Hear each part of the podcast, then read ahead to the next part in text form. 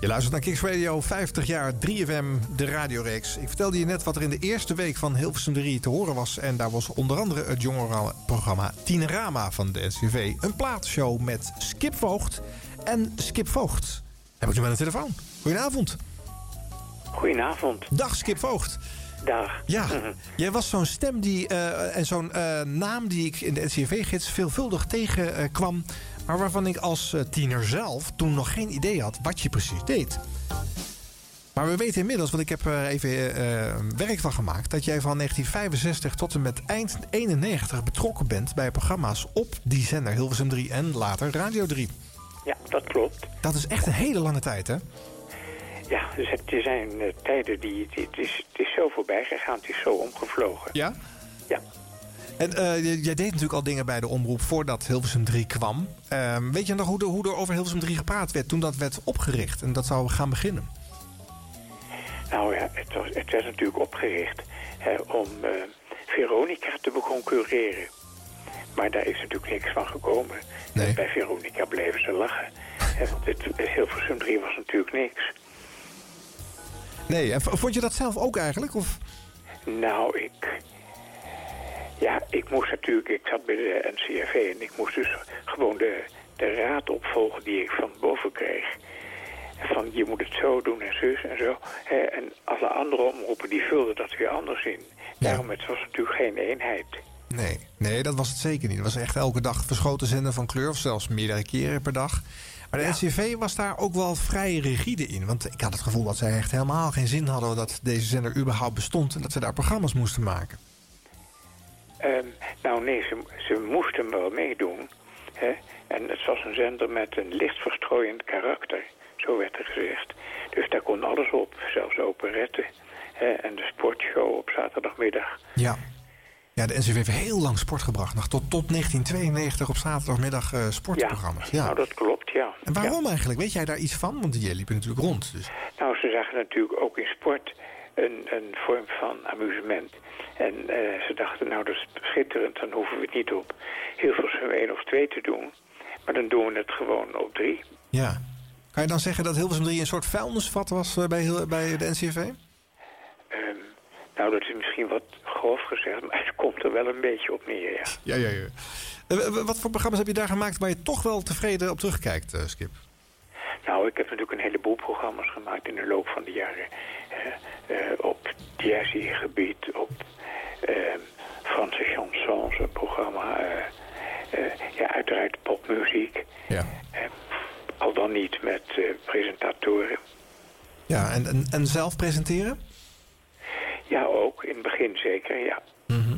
Wat deed je liever, zelf presenteren of het programma voorbereiden? Nou, ik vond voorbereiden eigenlijk leuker. En teksten schrijven. Ja?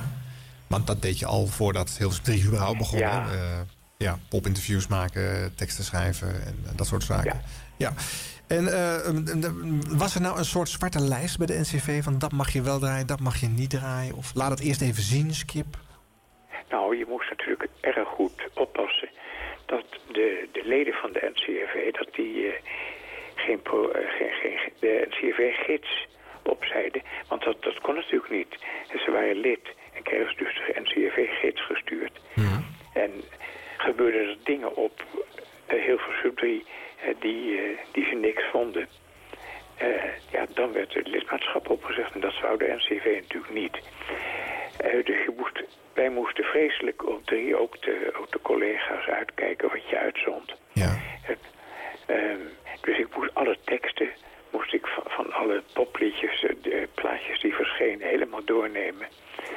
En kijken of, het, eh, of er geen dingen in stonden die niet konden. En, en wat, wat was bijvoorbeeld een, een, een no-go era? Waar, wat mocht je echt niet eh, laten horen bij de NCRV? Nou, bijvoorbeeld eh, Crying in the Chapel van, van Elvis Presley. En ik begreep dat niet, want het was verder een heel net liedje. Maar het woord chapel mocht niet voor de NCV, want dat was kapel. Ja. En ja, dat was katholiek. Dus Ja, ja dat, is, dat zo werkt dat gewoon. Hè. En moest je dan ook echt van tevoren een lijstje inleveren van... ik ben van plan dit te gaan draaien in de komende uitzending? Of? nee, dat hoefde niet. Ik hoefde geen lijstjes van tevoren. Ik mocht het zelf eh, samenstellen. Maar dan wel zorgen dat, het, eh, dat de teksten binnen eh, de NCV geen moeilijkheden zouden geven. Ja, en, en, en ging je daar uh, prudent mee om, zoals dat mooi heet? Of uh, vond je het ook wel leuk om af en toe een plaagstootje uit te delen... om te kijken hoe ver je kon gaan? Of? Nee, dat deed ik niet, want daar waren ze, dan waren ze zeer streng in. Dus ik probeerde inderdaad zoveel mogelijk ehm, ja, me aan de regels te houden. Ja. Maar je moest, je moest heel erg uitkijken, want bijvoorbeeld... dat was een liedje in die tijd, dat was Shame and Scandal in the Family... Een heel gek liedje over een beetje een incestgeval. Maar het was een soort calypso-achtig ding. En nou, er ontstond een enorme toestand over. Uh, shame and scandal in the family, dat mocht niet. Waarom ik dat draaide. En dan moest je bij de directie komen en dat uitleggen. Ja. Dus jij bent echt gewoon, dan word jij op het matje geroepen, sta je daar in de gang te wachten. Je weet, ik moet bij de voorzitter of de directeur komen en die gaat nou, mij ja, de les leren. Ik moest eerst bij het hoofdlicht, bij de chef lichte muziek komen. Ja. En uh, die had dan weer van hogerhand opgekregen van wat is dat, wat, wat draaien we nu? En toen de Beatles bijvoorbeeld, dat was een paar jaar later. Ja. Um, toen die uh, John Lennon vertelde dat ze populairder waren dan Jezus. Ja. Nou, toen mochten we een paar maanden helemaal geen Beatle draaien. Oh, natuurlijk. Dat ging, dat ging niet, dat kon niet. Ja. En, en ze waren natuurlijk heel bang voor hun leden, hè. Want het was natuurlijk een grote omroep in die tijd. Ja. En waren, waren die opzeggers, gingen die dat ook een brief schrijven? Van, ja, ik heb dus nu een programma gehoord. Uh, en dat bleek dan een programma van jou ja, te zijn. Of, en of daar hebben we dat plaatje ze luisterden, die oudere mensen luisterden natuurlijk niet naar Radio 3. Nee. Want het was natuurlijk niet een, uh, naar Hilversum 3. Dat was een, geen zender voor hun, maar de kinderen die luisterden wel. Ja. En daardoor de ouders indirect natuurlijk ook. Die Ja. hoorden wel eens wat. Die, ja, inderdaad, die vingen wel eens wat op. Die stoven boos uh, de kinderkamer op omdat ze daar iets hoorden. En dan kwamen ze erachter. Het is een NCVV-zendheid uitgezonden. Uh, Ja. Zoek in de gids. Wie is daar vooral? Skip Voogd. Naar de directie Ja. met die man. Dat Nou, we hadden een groot orkest, herinner ik me nu. Dat was het orkest van Marcel Tielemans. Een soort, eh, ja, een soort Ramblers eigenlijk. Want Ja. de Vara met de Ramblers hadden had Marcel Tielemans bij ons. En die eh, moesten natuurlijk ook hun repertoire een klein beetje rustig houden. Maar dat deed, dus, dat deed de orkestleider sowieso. Maar dit, er was een heel oud liedje, Babyface, uit de jaren twintig of zo. Ja. En daar zong het hele orkest, moest daar zingen. En daar komt een strofe in voor van eh, I'm up in heaven when I'm in your fond embrace. Ja. Nou, I'm, I'm in heaven, dat mocht absoluut niet. Eh, ik ben in de hemel. Ja. Toen moest ik daar iets anders voor. Toen, eh, dat is één keer uitgezonden en toen kwam er gelijk een heleboel moeilijkheden. Ja. Dus dat nummer mocht toen niet meer gedraaid worden. Of tenzij ik dat veranderde. Toen heb ik die tekst in, heb ik veranderd van... ehm, I'm, I feel so happy. Dus het hele orkest moest dan vreselijk lachen. Die zongen allemaal I feel so happy Ja. when I'm in your fond embrace. Die hebben dat dus echt allemaal overgezongen. Omdat, nou, het is Ja, ongelooflijk. omdat het zo... ja, anders werd het niet uitgezonden. Nee, andere tijden niet, hè? En, en dan werd zo'n orkest met opheffing bedreigd. Hè, van, Oh, echt zo erg? Als het nog vaker voorkomt. dus dat moest. Ja. Maar dat is eigenlijk, het is eigenlijk door, de, door de jaren heen zijn er dingen geweest waarvan je dacht, hoe is het mogelijk? Ja, zeker met In terugwerkende kracht. jaren, even kijken, 80 Ja. Herinner ik me nu, was er een liedje van Eddie Christiani, De Engel op mijn schouder wordt een dagje ouder.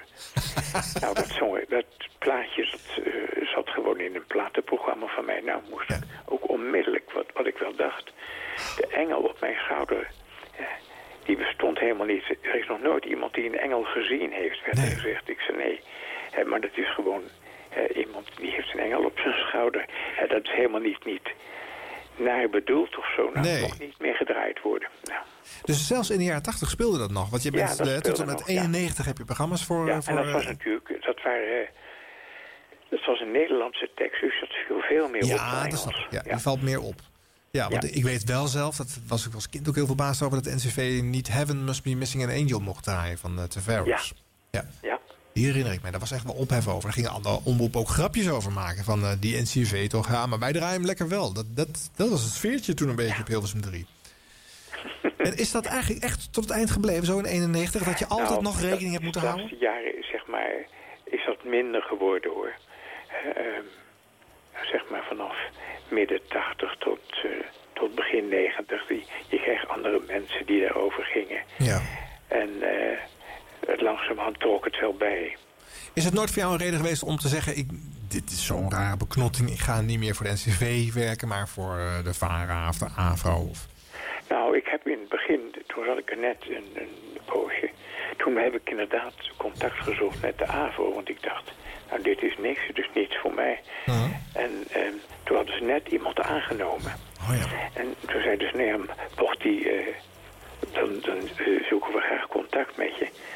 En dan kom je weer bij ons terug, want ik was bij de AVRO, had ik al programma's gedaan in het verleden, voordat ik eh, bij de NCV in vaste dienst kwam. Ja. Maar Ja. goed, dat, dat ging dus niet door, dus Nee. ik bleef maar bij de NCV. Nee, dus je zegt bijna met spijt in de, een beetje, hè? Van, eh, het heeft eigenlijk wel heel lang geduurd ook daar. Ja, nou, het, was, het had één voordeel. Eh, ik hoefde niet op kantoor te komen, alleen bij de uitzendingen en alleen als er vergaderingen waren. Dus ik kon gewoon thuis mijn programma's maken. En eh, reed dan een paar keer per week naar Hilversum als, als er uitzendingen waren. Ja. En eh, ja, je had dus een vrij autonome positie eigenlijk. eh, ja, waardoor je, het. Je kon het redelijk zelf eh, een beetje inrichten, de winkel. Ja, daarom. En, en bij de AVRO eh, moest je inderdaad toch de hele dag zitten. Daarvan, dat waren gewoon werktijden van 9 tot 12. Oh ja. Nou, dan begrijp ik het wel. Dan zou ik het ook bij de NCV wel hebben uitgezocht. Ja, toen Ja. dacht ik, nou ja, dan zit ik mijn straftijd maar uit. Ja. en was het klaar ook eh, eind 91 voor jou? Of was het gewoon klaar omdat de omroep nou, de laatste, de laatste jaren waren niet leuk. Eh, eh, ze hoopten dat je eerder weg zou gaan. Eh, er was een, een nieuwe man gekomen, een manager heette dat in die tijd. En die wilde eigenlijk alleen maar mensen onder zich hebben die die nog kon kneden. Maar al die oudere mensen die er zaten, dat vond hij helemaal niks. Nee. Want die, die spraken hem vaak tegen of die brachten, wilden hem tot andere gedachten brengen. Dus hij dacht, daar moet ik vanaf. En ik had nog een paar jaar voordat ik met pensioen kon.